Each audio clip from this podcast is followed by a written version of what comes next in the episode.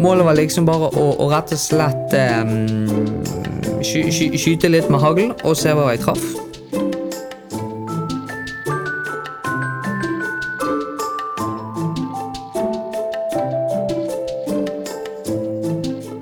Velkommen til denne episoden av Rettshistorisk kvarter. Mitt navn er Lars Gøstad, og i dag er det jeg som styrer showet. Podkasten tar for seg et variert utvalg av rettshistoriske emner. Dagens tema det er i hva grad irsk rett påvirker de norske landskapslovene. Vi får da et beint fram imponerende møte med irsk rett, og vi gjør høyre hvordan denne retten passer sammen med norsk mellomalderrett. Den som har utført undersøkinga, er Brage Tunesveit Hatløy fra Universitetet i Bergen. Han brenner for temaene undersøkt, og vi kan love dere ei spennende og lærerik episode.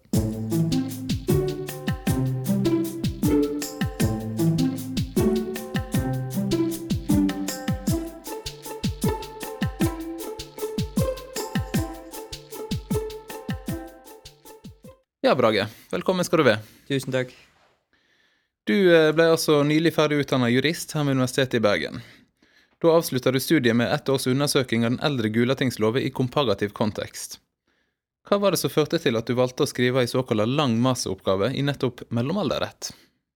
Um, det som skjedde, var at jeg ble gjort uh, oppmerksom og ble veldig interessert i uh, Magnus Lagerbøttes landslov fra 1274-1276. Uh, og mulighetene for utenlandsk påvirkning. Altså mulighetene for at andre land i middelalderen kunne ha påvirkning på norsk rett. Og en av hypotesene som da var på bordet, det var at den irske middelalderretten hadde kunnet ha påvirkning på landsloven sine regler. For den irske middelalderretten var veldig avansert.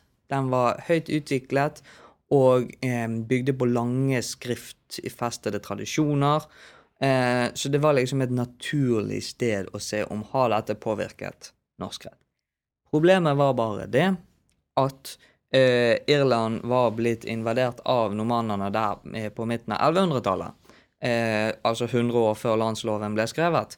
Så hvis det skulle være påvirkning fra irsk middelalderrett, så ville vi ikke finne den like klart i landsloven, men kanskje en av de tidligere lovbøkene. Og da så jeg da på Gulatingsloven for Vestlandet. Ja.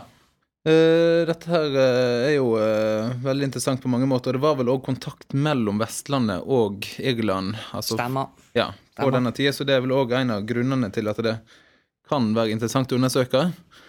Men først altså Nå tenker jeg at vi kommer vel Ja, vi skal komme litt tilbake til dette. Men først av alt så lurer jeg på om du kan si noe om de forskjellige rettslige landskapene som, som du undersøkte?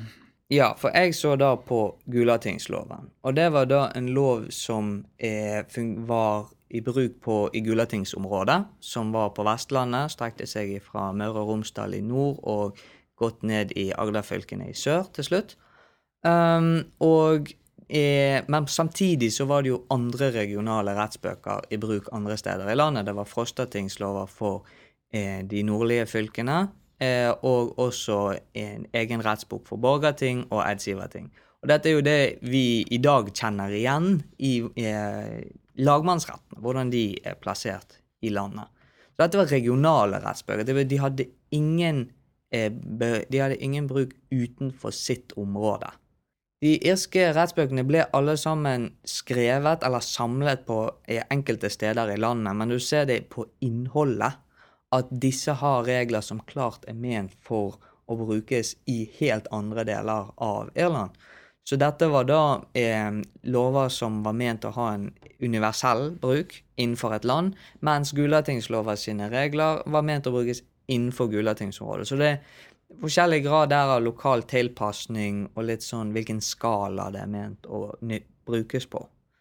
Um, men det gjorde det jo bare enda mer spennende da, ja. å jobbe med, rett og slett.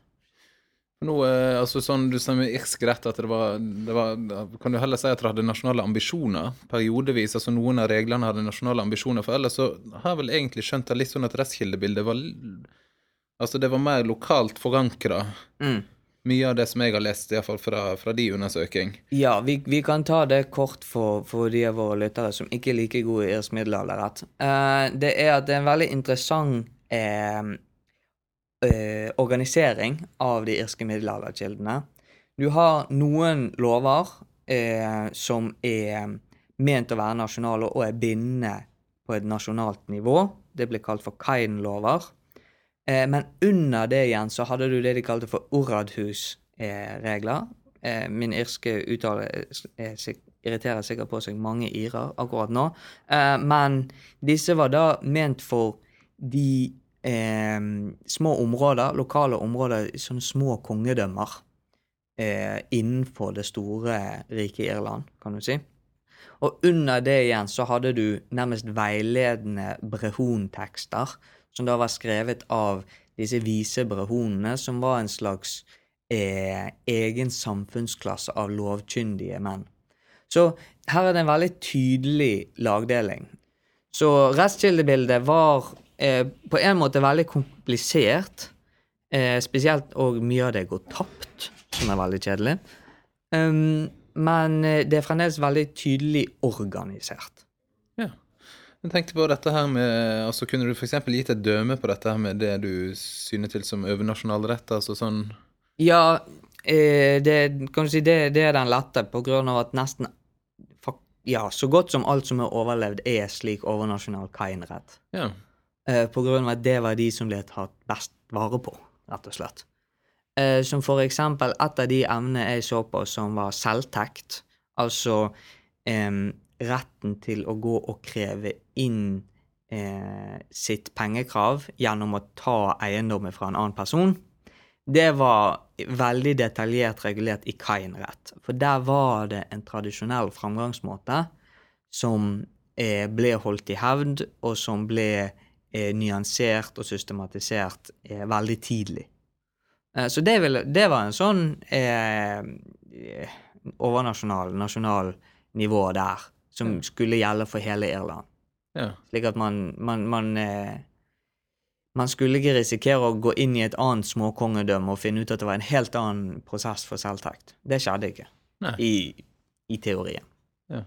Det som eh, slår meg sånn umiddelbart nå, altså som du sier at det, det er mange kilder som går tapt, men det høres òg fremdeles ut som det er veldig mange kilder som er att, på én måte. Det, det, er noen, det er noen kilder som er over... Som er mm, Hva er det heter? Som har overlevd i veldig stor grad. Det vi har eh, Det vi har, det er det som kalles for Sanchez Mar. Mm. igjen uttale, Um, som ble kalt Den store tradisjonen. Og, og det var Den presenterer seg iallfall sjøl. Igjen, det er dette med historisk kontekst. Hvor, hvilken posisjon hadde den egentlig? Det kan jeg ikke si noe om, på grunn av den konteksten har gått tapt for mange år siden. Men det vi kan si, er at den presenterer seg sjøl som en veldig sentral rettsbok. Og eh, store deler eh, legger også krav på tittelen Kain, pa, Kain Patraik, altså lov, eh, loven etter St. Patrick, som jo var en stor helgen for Irland. Og, og den Det er veldig tydelig at denne var ment å ha en stor status, og den var også skrevet ved en av de største læringssentrene for irsk middelalderrett. Um, så den er tatt godt vare på. Den består av flere bøker, er mange, er flere Kain-lover, og noen lover som har mer preg av å bygge på eh, rettsavgjørelser. Um, og så har vi noen enkelte sånne brehontekster. Men vi har eksempel ingen oradhusrett. Vi har ingen lokal rett ifra de små kongedømmene. Eh, som jo da gjør at man For oss jurister så er jo det en håpløs situasjon, på grunn av at man sitter der og lurer på ja, men hvordan gjorde de lokalt? Hvordan ville de løst et rettslig problem? Uh, så, så det er mange spør juridiske spørsmål som blir stående åpne, men man danner seg iallfall et bilde av den sentrale retten, og hva de mente var så viktig at dette må vi samle i denne rettsboken som vi gir en slik status. Så um, det, det er så, så, så det bildet man har å jobbe med i dag. Ja. Det var veldig, veldig spennende. Eh, Bare for å på en måte eh, koble dette mot altså Hvis vi skal sammenligne litt med norsk rett altså Når du Ja. sier at det fins mange bøker eh, med denne retten som er samla, vil du da si at altså, vil det være sånn som det var i Norge, at vi har mange forskjellige altså Fins det mange forskjellige utgaver av samme rett, pluss minus med noen tekstvariasjoner, eller er det, er det ett sett eh, med bøker hvor, hvor den uh, Den irske retten er samla, på en måte. Det er i stor grad veldig enhetlige sett. Så er det det når disse her ble eh, videreført til neste generasjon, så ble de skrevet av. Eh, så det var Det som skjedde, var det at de eh, brehonene, disse rettsvise mennene som da satt og kopierte, de skrev nøyaktig det som er i utgangspunktet det som hadde alltid vært, og så la de til sine kommentarer og nyanseringer i eh, enten i margen eller i teksten i, eh, i, mindre skrift eller i kommentarer og sånne ting. Så det du får, du, får en kjernetekst med masse eh, politiavsnitt, nærmest, med eh, kommentarer og nyanseringer og seinere eh, eh, forslag til hvordan eh, problematiske forhold blir endret. Så eh, det gjør jo da at det blir en fantastisk rettsenhet. På den måten at den opprinnelige strukturen går ikke tapt. Og det betyr også at de tilstøtende eh, problematiseringene blir, sitt, blir tatt opp med en gang. Eh, men hvis vi da skal sammenligne det med norsk rett ja. Eh, et, et, lite øyeblikk der, For vi har ikke snakket så mye om jeg har ikke snakket så mye om eh, norsk rett så langt. Og eh, der disse rettsbøkene vi har fra Gulating og Frostating, er man jo Vet man jo ikke sikkert helt hvor den ble skrevet ned, eller hvor eller når. Eh, men den bærer iallfall et preg på å være mer en samling av enkeltregler, nærmest. Med noen praksiser mer detaljert samlet i bolker, som det blir kalt. Eh, og dette kommer til dels på grunn av at eh, den norske rettstradisjonen lenge var muntlig. Den var basert på det man, som ble framsagt på tinget, det som man, man, man leste ifra eh, de skriftene man hadde, og liksom sa fram lovene. Mest fordi veldig mange ikke kunne lese. Uh, og så til slutt, da, det, de skriftlige manuskriptene vi har nå, de er liksom, det er gjerne samlinger av eh, de reglene som da ble lest opp. Men situasjonen, var en, situasjonen er en ganske annerledes ja, ja. I, I, Norge og Irland på rundt der tusentallet, kan du si. Og det er at mens den, i Norge så er det den muntlige tradisjonen hvor det blir sagt muntlig, og det blir så husket og sagt videre, og så inniblant skrevet ned så er den i Irland konsekvent skrevet ned. Disse bøkene blir holdt ved like, de skriftlige manuskriptene blir kopiert og videreført i, med veldig høy grad av um, Hva er det det heter? Trofast uh, Nei. Truverd? Ja, men med en veldig sånn tilknytning. Med veldig trofasthet til det gamle tradisjonene. Ja, ja. Eller tradisjontro, rett og slett. Ja. Um, så, så det, blir, det, blir, ganske annerledes tilnærming til rettskildene. Ja. Det, var, det, er jo det er veldig spennende på, på mange felter, da. Men vil du da si altså, da si at vi får en, en, ganske vesentlig forskjell, fordi at i X-krets så vil du da ha parallelt si at du har ti brehoner som eh, tolker de samme kjernetekstene, mm. ja. og så basert på erfaringer og i det hele tatt, så, så, så bygger de ut disse tekstene. Mm. Men da vil du òg få ti forskjellige varianter av den regelen. Mens i Norge så kompilerte vi jo altså sånn ja. En eller annen punkt så reiste man rundt, og så kompilerte man og fikk det samla i den eldre Gulatingsloven til dømes. Altså sånn Ja og nei. Mm. Um, for, for, for det, for, Først er det ett element, og det er at de irske eh, kjernetekstene blir jo kopiert. Så det du får, er at du har denne, kan du si, nærmest stemmen fra himmelen, som hele tiden setter rammene. Rammen, den rettslige rammen hvis du vil gjøre endringer i retten i Irland, er veldig fast. Og den har gjerne vært den samme i nesten 1000 år. Eh, mens i Gulating, eh, eller i de norske regionale eh, systemene, så er det veldig mye mer preg over at man kan ta praktiske løsninger. Man kan si at ja, vi har gjort sånn før, men nå har vi funnet ut at dette egentlig gir en bedre løsning. Men det kan du ikke når du har en 500 år gammel bok hvor kjerneteksten sier at sånn har det alltid vært, og sånn skal det alltid være. Så som brehon så har du et veldig begrenset rom. Du har en veldig fast ramme på hva slags nyansering du kan gjøre. Og det er akkurat det det blir. Det blir veldig lite endring. Eh, men det blir mer en eh, problematisering og en nyansering og eh, i veldig liten grad endring etter hvert. Ja.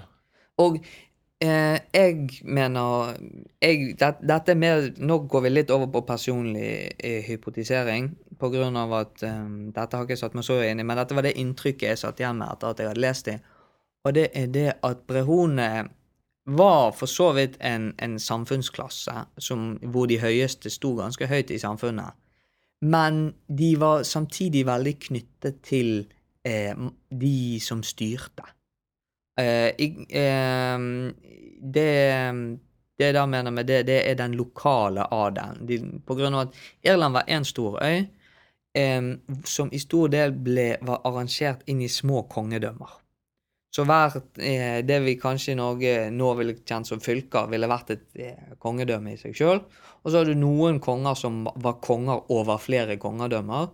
Og i teorien så du en, kunne du ha en konge som var konge over hele Irland. Men hver av disse småkongene hadde en dommer. Hadde en brehon som satt ved hoffet liksom og hjalp med juridiske spørsmål.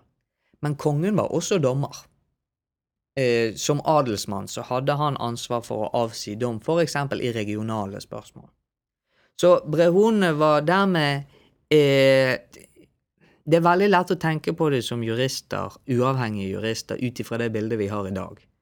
Men jeg mener at vi må også være klar over at de satt i en samfunnsmessig situasjon hvor de var avhengig av den lokale kongemakten å, til å styre. Så det òg ville vært en veldig begrensende innflytelse når det kom til det å kunne skape ny rett. De var ikke på samme måte dommere eh, som, som, vi er kjent med i den norske tradisjonen. Dommere som kunne gå ut og si at loven sier dette, men det kommer til et urimelig resultat, så derfor går, ser vi bort ifra loven. type. Det, det kunne ikke en, en irsk prehon gjort. Um, det at det var rom for endringer i disse kommentarene og avskrivningene, ja. Det, kommer, det følger som en naturlig konsekvens av kildene. Men jeg tror de ville funnet det veldig vanskelig å gjøre endringer. Og det vil òg medført at det, eller det gjør òg at om en da hadde 10 eller 12 eller 40 brehoner mm. parallelt, så ville en heller ikke få de store variasjonene Nei. i de ulike bronernes tolking av den kjerneteksten. Nei. Det er det du sier? Ja, ja. på grunn av at kjerneteksten var alltid den samme ja. og satte rammen. Ja. ja, ja, Nei, dette var veldig spennende. Og det gir jo noen eh, koblinger. altså En sitter jo her og tenker på naturrett og diverse òg, ja. som jobber med 1700-tallet. Så dette her var ja, spennende. Uh, vi er jo uh, Som vanlig så snakker vi altfor mye om altfor mm. mye rart. Men kommet, uh, dette her var veldig har, spennende. Vi har ikke kommet så langt på programlisten som vi Nei. kanskje skulle. Kanskje. Den tyder en glede. Den, ja. aller først så tenker jeg bare nett å få høre, for vi var kort innom det i stad. Du sa at irsk rett skulle mest sannsynlig ha påvirka norsk rett i mellomalderen. Ja. og det er spesielt én kobling som, som en ofte trekker fram i den forbindelse. Og det er Kongsbergelen, er ikke det det? Ja. Uh, det var en av, uh, det, Kanskje en av de viktigste um, grunnlagene for den hypotesen med irsk påvirkning. Og det er det at i Kongsspeilen sin tredje del, som omhandler kongen sin eh, rolle som dommer, blant annet, der fortelles det en historie om en konge eh, i et kongerike langt borte, som er Tamer. Uh, sånn cirka. Uttale igjen. Vanskelig spørsmål. Um, en konge der som eh, en gang dømte mer i sin egen interesse eh, enn eh, det som var rett. Altså som vi ville sagt i dag, han var rett og slett inhabil og dømte ut ifra det som passet han best, mer enn det som loven sa han skulle dømt. Eh, og det som da skjedde, var at jorden ble veltet om. Det vil si at den ble sagt snudd opp ned, så alt eh, kornet kom i jorden, og bare røttene stakk opp. Og det ble uår på kongedømmet og alt i ti år eh, framover. Um, og det er en spennende og dramatisk historie, men det som er spesielt interessant, er at den ligner veldig på lignende historier som er tidlig i Saint-Jasmar, altså denne sentrale rettsboken i eh, irsk middelalderrett. For der òg snakker de om eh, legendariske brehoner, altså eh, dommere og jurister, som eh, Når de dømte feil, så ble de straffet. Mm. Og det var en sånn eh, sentral tradisjon om at hvis man dømte feil, så fikk man merker i ansiktet, eksempel. Men det var også spesielt én dommer eh, som en gang når han dømte urett, så falt all frukten ifra trærne, og eh, ble Og all maten råtnet, liksom. Det er det som er den sentrale formularen, at frukten falt ifra trærne. Men det som er enda mer spennende, det er denne referansen til kongeriket Temer. På grunn av at eh, Temer er en, en, av de, eh, en av de kjente variasjonene av eh, kongeriket ved Tara. Ligger i Irland og var høysete til kongen over hele Irland. Som sagt, kongen over delkongene over småkongene. Han satt på Tara, og vi hadde da stor judisiell makt, blant annet. Så ikke bare er det en referanse til at naturen straffer den dommeren som dømmer feil, men også en konkret referanse til det som kan virke å være det tradisjonelle høysetet i Irland. Så um, eh, Jeg syntes jo det var helt fantastisk når jeg først så den, og fant ut at her, dette må jo være en referanse her. Så hvis man, hvis man tar den hypotesen helt ut, så ser man at nordmennene var klar over at det var en slik dømmende praksis i Irland, og denne likheten i historier kan også eh, hinte mot at disse rettsfortellingene som fantes i Irland, og som ble skrevet ned i deres sentrale rettskilder, i alle fall ble overført til eh, Norge. Og da Ja, gjennom eh, vikingene. Det, vi kan komme nærmere inn på det etterpå, men det er liksom bare at hvis man har først den linken, da må man faktisk spørre seg OK, betyr det at faktisk rettsregler kunne ha tatt samme veien? Ja, og det er veldig spennende, for det er jo da at denne her historien skulle da gått ifra et irsk eh, irsk rettsbok, Mm. så å si, og så over til Kongsspegelen, som mer var eh, lærdomsverk for, for eh, konger, var ikke det? Eller for, Ja. for styring, eh, som ble skrevet Eh, vi, vi, det er vel litt sånn tvil, men det er rundt seint 1100, tidlig 1200. For den, kom, den kom litt før Magnus Lagerbøttes landslov. Ja. Da uh, kan vi jo bare igjen konstatere at uh, tida flyr, og vi er knapt kommet i gang med sjølve undersøkinga. Ja, vi er, vi vi er halvveis på side én. Vi er halvveis, ja, så da tror jeg vi får omdrøpa dagens program til Rettshistorisk time. Hey. Ja, det er Altså sånn at Det er den eldre Gulatingsloven som er Ja. gjenstand for komparasjon i uh, undersøkinger. Mhm. Uh, og du har uh, særskilt sett på, på noen områder. Kan du si litt mer om hva områder dette er, og hvorfor du valgte nettopp disse? Ja. um, eh, jeg valgte tre sentrale områder. Eh, det ene var selvtekt og hevn, som ett område. Eh, det var pant, og det var eder. Prosessuelle eder. Jeg skal si litt kort om det. Altså, Med selvtekt så var det da, som jeg har snakket om, å kunne ta eiendom fra en annen person for dekning av et eksisterende pengekrav. Og hevn så er det retten til å drepe en mann eh, på grunnlag av eh, forbrytelser denne da skulle ha gjort mot en selv eller ens familie. Altså en lovfestet rett til drap der. Um, panterett, det, det, det er jo et moderne begrep, men akkurat denne praksisen med å sikre økonomiske forhold ved å stille løsøre eller fast eiendom som sikkerhet, eh, som vi i dag kjenner som pant, eh, finner man eh, veldig tydelig i eh, de middelalderske rettsreglene. Og til slutt eder. Um, det, det, det krever egentlig en litt lengre eh, forklaring, men jeg skal prøve å holde det kort. Og det var rett og slett tanken over det at i en, i en tid hvor det var veldig lite bevis, og det var i veldig begrenset grad ofte var vitner på eh, forbrytelser og lignende, så var det eh, ble det lagt litt vekt på det en person var villig til å sverge ed på. Det man liksom kunne si at dette har ikke jeg gjort, og så hadde man boken på Bibelen, nei, hånden på Bibelen, og hadde flere personer bak seg som sa at vi stoler på han når han sier han ikke har gjort dette. Og dette var brukt i veldig utstrakt grad i eh, spesielt i norske landskapslovene. Men jeg fant de også i irsk rett. Så eh, som, eh, som lytteren kanskje har fått med seg, dette var spente ganske vidt. Eh, Selvtekt og hevn gikk jo inn under nærmest eh, strafferett og privatrett.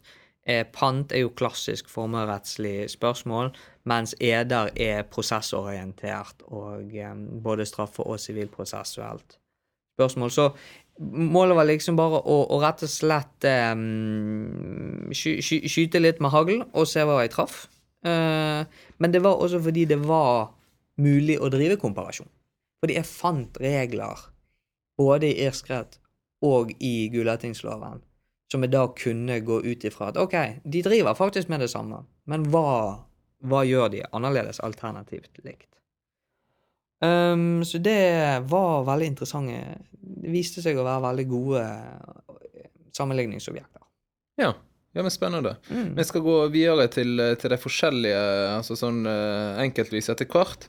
Først skal vi bare si litt om, om hvordan du har gått fram. Og sånn som jeg skjønner det, så har du eh, først og fremst sammenligna rettsreglene i den eldre Gulatingsloven med Mhm. irsk rett. Yep. Eh, og så har du gått videre til å sammenligne de samme reglene fra den eldre Gulatingsloven med rettsregler fra Frostatingsloven. Det stemmer. Frostatingsloven ble i stor grad tatt med som for å gi en nasjonal kontekst. Rett og slett eh, Sånn gjorde de i Gulatingsloven. Men i hvor stor grad kan vi si at dette var en norsk ting? Rett og slett, Var Gulatingsloven representativ for norsk mellomalderrett? Eh, var det andre måter man gjerne kunne gjøre det i norsk rett? Nå er jo det slik at Gulatingsloven og Frostatingsloven er de eneste landskapslovene vi har i eh, komplett stand. Eh, fordi Eidsivertingslova og eh, eh, Borgartingslova har gått tapt. Eh, rent bortsett fra kristenrettene, som vi har av en interessante rettshistoriske årsaker. Um, som da gjorde at eh, det ble de to, for rett og slett vise hvordan, hvordan var, kunne man si at det var i Norge. Ja, så da fikk du altså en nasjonal forankring i, i komparasjon mot, mot irsk rett. Ja, en nasjonal kontekst. Ja, rett ja, og slett. ja. ja da, det vil jo være, eh, det vil jo være veldig tjenlig. Eh, Mm. For det vil vel Det vil vel kunne være ganske store variasjoner på enkelte områder mellom den eldre Gulatingsloven og Frostatingsloven òg. Absolutt. Og det, det fant jeg òg. Eh, det var veldig interessant det jeg fant innenfor pant. Og som også er grunn Jeg, nevner det grunn at det er grunn til at jeg nå skriver eh, ph.d. For der ser jeg på eh, hvor, nettopp forskjellige Hvordan de forskjellige reglene i landskapslover eh, Hvor forskjellige de var, og hvordan disse forskjellene ble behandlet til denne enhetlige landsloven. Men nok om det. Um, det vi, som, som jeg sa tidligere, landskapslovene var regionale retter. Og det betydde at de bygde i stor grad på lokal sedvane. Og, og gjerne på lokale tradisjoner, da.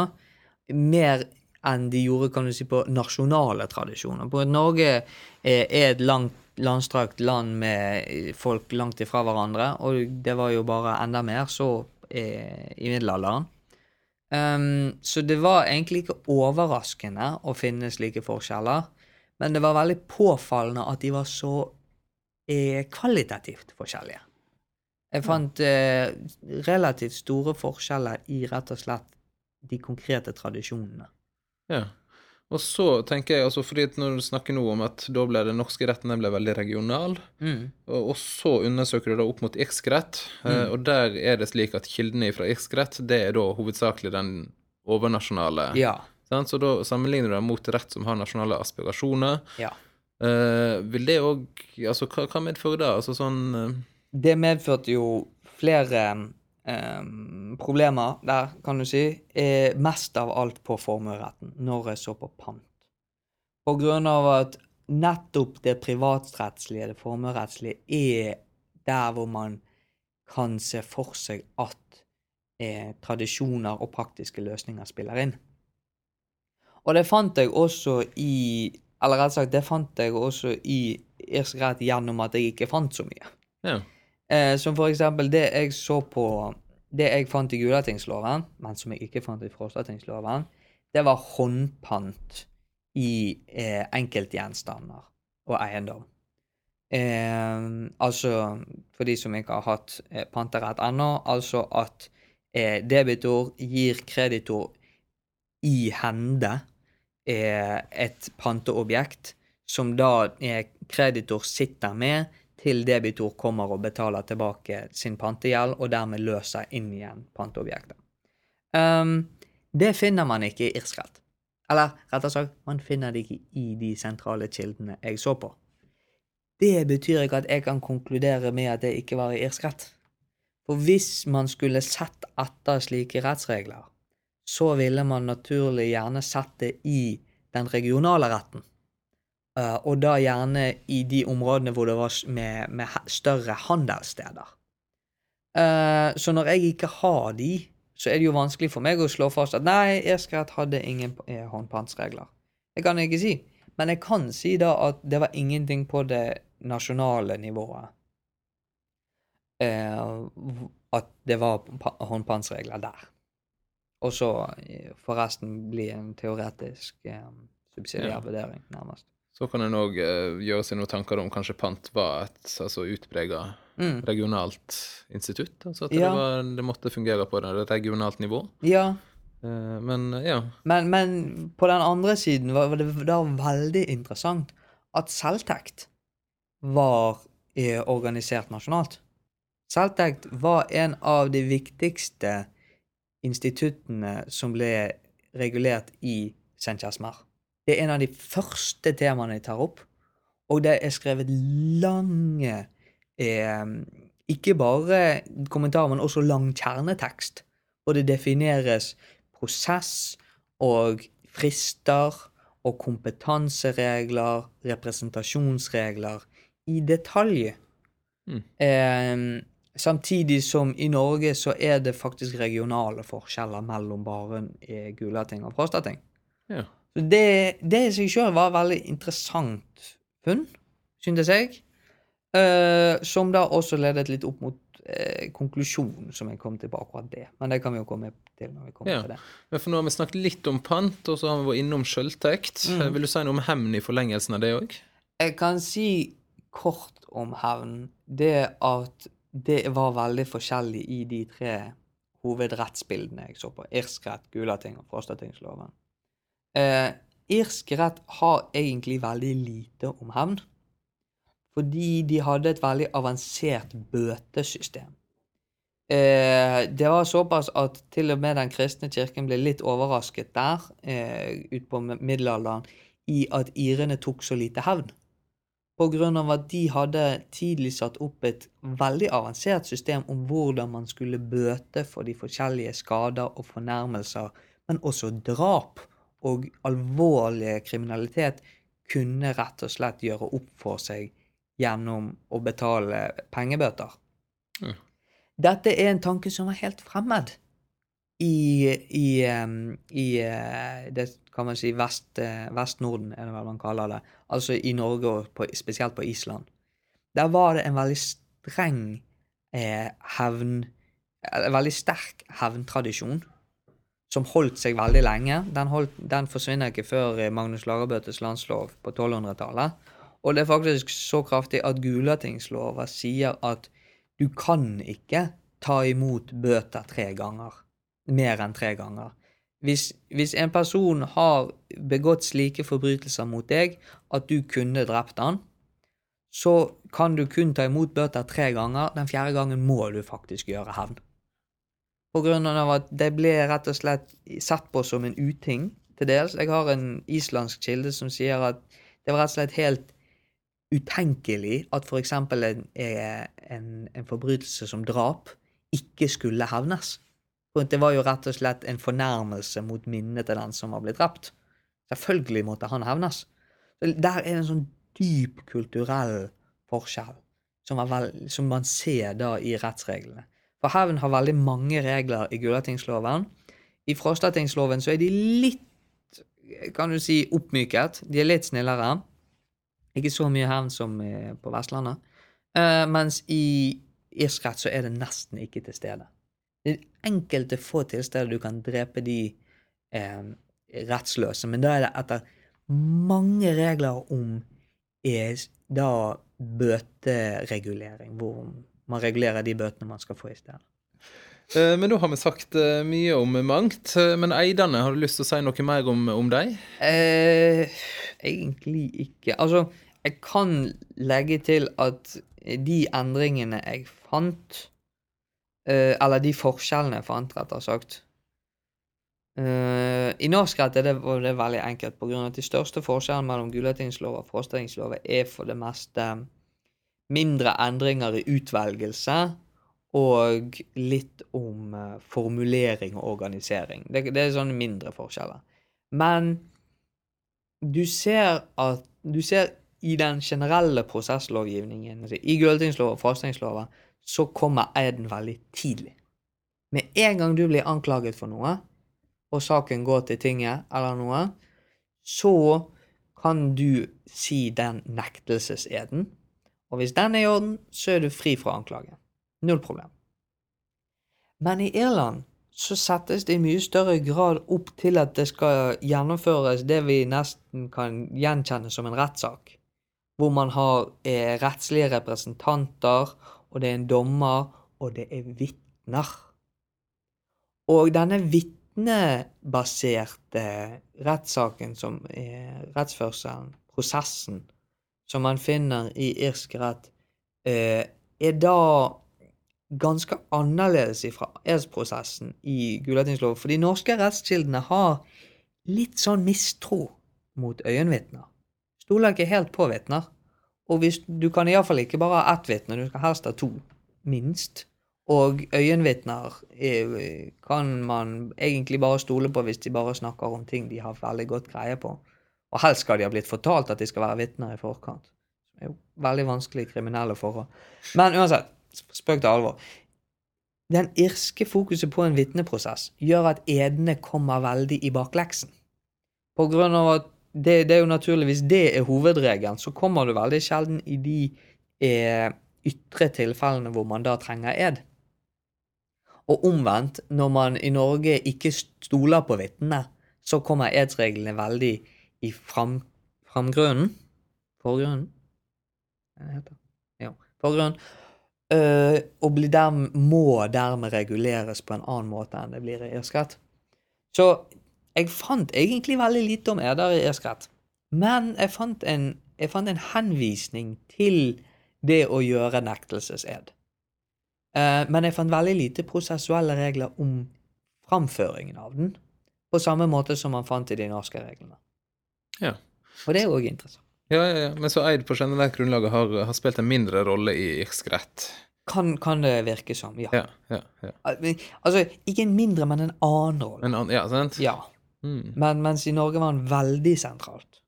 Den var, den, den var, du kan si det var den første skansen. Mm. Mens i Irland så kom den først inn på et veldig seint stadium. Mm. Ja, det er spennende. Uh, når vi nå uh, skal begynne å trekke litt sånn uh, sammen trådene, så har du lyst til å si meg, hva, hva tenker du er hovedfunnene i komparasjonen mellom den eldre Gulatingsloven og, og irsk rett? Ja, først kan jeg jo slå fast for alle de av våre lyttere som nå sitter og biter negler og venter på konklusjonen. Jeg fant ingen påvirkning fra irsk rett i Gulatingsloven. men enda viktigere, jeg tror jeg vet hvorfor. Eh, trykk på tror. Um, fordi det jeg fant vi, vi, går kjapt gjennom det. Altså, selvtekt hadde en veldig sterk tradisjon i Irland som var, må ha blitt overført ganske lenge. Det, og den ble da hadde innen den tid nordmennene oppnådde kontakt med Irland, så ville det vært en veldig komplisert prosess, som bygget på lange tradisjoner, og som også var skriftfestet eh, på et nasjonalt nivå. Så når man har et sånt eh, grunnleggende fremmed system, så er det vanskelig å føre det tilbake til eh, liksom at det blir overført i, eh, på en sånn uoffisiell måte som ville skjedd mellom landene på den tiden. Litt det motsatte med hevn, for der var det en veldig sterk norsk kultur. Eh, for, som jeg har nevnt, liksom ma, Selvfølgelig skulle man utføre hevn. Man, man, man brøt loven hvis man ikke utførte hevn til slutt, etter Gulatingsloven. Og, og da er det unaturlig å, ha, å, å innføre den irske tilnærmingen om at ja, men la de nå få en sjanse til å betale bøtene sine først, liksom. Det tar, det tar en stund før bøtestraff virkelig vinner fram i, for alvorlige forbrytelser i Norge. Eh, eh, skal vi se Pant. Det, det var egentlig det området jeg ville forventet mest å se påvirkning. Men der uh, Der var det også noen problemer. For det første det jeg har sagt om at restkildebildet jeg satt med, var ufullstendig.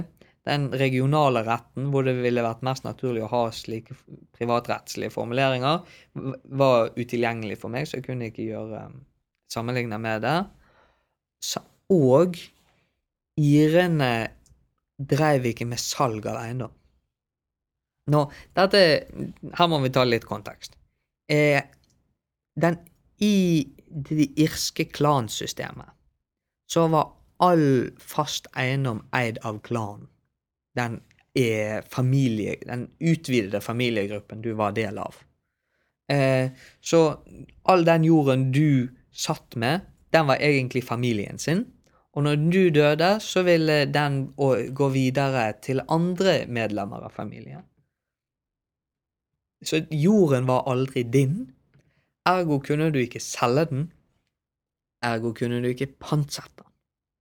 Og, men både Gulatingsloven og Frostingsloven, hvor det ikke er sånn, hvor, hvor jorden er eid av enkeltpersoner, eller eh, Ja, enkeltpersoner, faktisk. Da ser man at det blir pantsatt. I litt eh, kompliserte former, og litt sånn omformuleringer, dadam, badam, men den blir pantsatt. Og det ser man ikke i irsk rett. Oi, da, det gjør det veldig vanskelig å sammenligne. Ja, ja, ja. Uh, og samtidig så har ikke Frostatingsloven noen regler om håndpant, som har en eget kapittel i Gulatingsloven. Så da, da det, det er egentlig en måte å slå fast at dette er så lokalt. Dette er noe man rett og slett tar på de lokale nivåene, og hvor den lokale praksisen får veldig mye vekt. Det jeg fant for eksempel, for eksempel mens både Gulatingsloven og Frostatingsloven hadde pantsettelse av jord i en eller annen form, så var de veldig forskjellige fra hverandre. Eh, og det ser jeg også på nå i sammenligningen til, til landsloven, at der måtte de hoppe over ganske mange porter for å komme til én løsning som kunne brukes i hele landet. Um, så dette hadde et veldig preg av det lokale. Og det gjør det på en måte mer sannsynlig at innvirkning skulle ha skjedd. Men det gjør også at det man finner ut på egen hånd, kan du si, også kan få godt feste. Så Det er veldig vanskelig å si hva som skjedde der, men jeg fant iallfall ingen likheter. Så Nei, nei, det nei. gjorde jo spørsmålet Ja. rent teoretisk. ja. Og så til slutt dette med eder. Der, var det, der mener jeg i stor grad at det må ha vært pga. prosessystemet. Det var ja, så annerledes. Ja, ja. Lite vitner i Norge, rett og slett. Så var du kort innom det her i stad, men, men eh, er, det noe, er det noen hovedfunn du vil trekke fram i, i komparasjonen mellom den eldre Gulatingslova og Frostatingslova på det samme planet? Ja, um, nå, nå eksisterer det jo en lite sånn spørsmålstegn der hva som egentlig er aldersforskjellen på de to lovene. På grunn av at det er en generell oppfatning om at Frostatingsloven er litt yngre enn Gulatingsloven. Uh, og det betyr at uh, det kan hende at det man finner i Frostatingsloven, der har det skjedd endringer ifra når Gulatingsloven ble nedskrevet, og at det dermed i utgangspunktet kan ha vært likt, men så ble endret. Men hvis vi ser bort ifra det, så ser vi at hevn har, blir brukt i mye mindre utstrekning i Frostatingsloven. Der er det vanskelig å gi noen gode grunner på hvorfor, men der, det kan være et resultat av en slik modernisering. En slags oppmykning av hevninstituttet. La oss få mindre hevn, så folk slutter å drepe hverandre. type tankegang. Um, pantsettelse. Veldig tydelige forskjeller. Ingen håndpant i Frostatingsloven. Og de systemene for pantsettelse av eiendom er veldig forskjellige. Bare for å trekke frem en helt grunnleggende forskjell. Etter Gulatingsloven så kan du i praksis bare pantsette odelsjord. Mens i Frostingsloven så kan du pantsette all jord. Ja. Og altså bare der, i utgangspunktet, hva slags jord kan du pantsette, så er de så fundamentalt forskjellige. Og så kommer det masse kompliserte prosessregler som gjør forskjellene enda tydeligere. Uh, og så kommer eh, edene. Og det er litt interessant på grunn av at hvis det er når, når man har en sånn en tydelig tradisjon med nektelsesed, som man finner både i Gulatingslover og Frostatingslover, så er det egentlig der du ville forventet at her må det jo være ganske mye likt.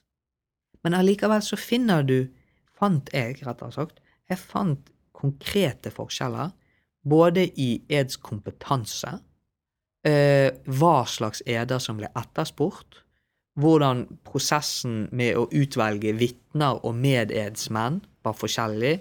Organiseringen var ganske dramatisk forskjellig. Så, og, og det er rett og slett en list, lang liste over individuelle forskjeller mellom eh, sentrale prosessuelle regler om nektelsesed i Gulatingsloven og Frostatingsloven. Som liksom i et rettsinstitutt som begge to er enige i at ja, dette er i kjernen av vår prosess. Allikevel er det så store lokale forskjeller. Ja. ja. Um, og det, um, det Det er veldig påfallende, egentlig, at, at det skjedde. Og det, det viser bare hvor individuelle de var. Rett og slett at de var utviklet ut ifra samme utgangspunkt, kanskje, men så eh, tilpasset de seg, eller de fikk, hadde andre ideer eller andre idealer, nærmest. Det er eksempel mye mer fokus på at i medelsmennene i Frostatingsloven skal være odelsbønder. Mens i Frostatingsloven så skal de Nei, i Gulatingsloven så skal de være av samme sosiale rang ja. som den som framfører eden, altså hovededsvergere. Liksom, det er noen ganske viktige forskjeller der selv på noe som jeg iallfall personlig så for meg kom, ville være eh, likheter på. Mer ens, ja. Ja. Eh, og så er det noe med at den eldre Gulatingsloven og Frostatingslova, selv om en ikke er helt enig om hvor eh, samme tidsperiode, altså i, i hvor stor grad det er samme fra helt samme tidsperiode, så kan ikke det være så himla mange Nei. år forskjell på det Nei, heller. nei. For det, så kom jo Magnus Lagerbøttes landslov. Ja. Sant? Det, man kan si at rundt 1000 Skal vi se Rundt 1000-tallet, 1100-tallet. Det, det, det kan ikke være mer enn en 100 års forskjell på dem. Som er ganske lite i eh, rettshistorisk skala på den tiden. Og det er da 100 år hvor det har skjedd veldig store endringer. Dersom man, man tenker at de har vært bygd på et, et Ja. relativt likt fundament. Ja, sant? Hvis, Ja, hvis, ja. hvis forestillingsloven en gang var veldig lik, var mye likere Gulatingsloven, så har det skjedd ganske mange forskjeller. Ja, ja. Og ganske sentrale endringer, rett og slett. Mm. Jeg har på en måte noe sånn, en sånn siste tanke der, og det er litt med den irske retten. altså, For du sier dette her med at man En av grunngjevene vanskelig er å få eh, retten med seg over havet, på en måte. Det, er vel Ja. egentlig det som er logikken din. fordi hvis du skulle reist typisk den her slaveregelen med epilepsi fra Gotland, eller hva det er, Ja. Som da tar en liten sånn reis gjennom handelser rundt om i Norden, og så ender den opp på, eh, i Norge. Ja. Og så begynner vi å praktisere den fordi det er en god regel. Mm. Eh, Mens da, hvis en skulle reise til Irland og få med seg noen rettsregler derifra, så måtte du nummer én ta med deg én og to rettslærde, og gjerne noen rettsbøker i tillegg. Nettopp. Og så måtte du finne noen som i tillegg kunne operere dette her i Norge. Ja. Det, Eh. det, var, det var for så vidt en av mine delkonklusjoner òg, at rett og slett fordi den irske retten var skriftfestet, Ja. så gjorde den det veldig tilgjengelig for irske jurister. men mye mer vanskeligere for en utenforstående å sette seg inn i. Mm. Og, og kanskje, altså for en ting er at den er skriftfesta, men den er òg såpass overbyggende. Altså den er såpass Det, det er en såpass omfattende karakter. Ja, omfattende. Ja, Ja. absolutt. absolutt. At det ville blitt nesten for mye å, å absorbere inn i Ja. Man, man måtte tatt eh, Man måtte rett og slett tatt store biter av, av rett og slett det, det, det irske samfunnet nesten med seg for å kunne bruke det på samme måte. ja. ja. Mens til gjengjeld så var vi heller da kanskje der, i den situasjonen at vi skulle ta noen av historiene, altså noen av eh, Ja, sant, legendene, og ta det med inn. For det der med, med uregjerlige og inhabile konger i, i sin tid, det var vel heller ikke helt eh, utopisk i, i mellomalderen. Nei, det var nok en, eh, en, en vanlig eh, vanlig syn. Ja. Men da tror jeg vi sier det slik at vi tar en gjennomgang av ditt ph.d.-prosjekt. Det tar vi med ei seinere anledning. Den Ja. tid den eh, glede. Ja, det, det har vel en større sjanse for å falle innenfor 15 minutter. Enn så lenge. Enn så lenge. Ja. Det er ikke Eh, kjapt nok. De som har ytterligere spørsmål til Brage Hatløy, de finner hans eh, kontaktinformasjon på ansattsidene på www.uib.no. Og han er glad i en faglig diskusjon, så det er bare å ta kontakt. Anytime.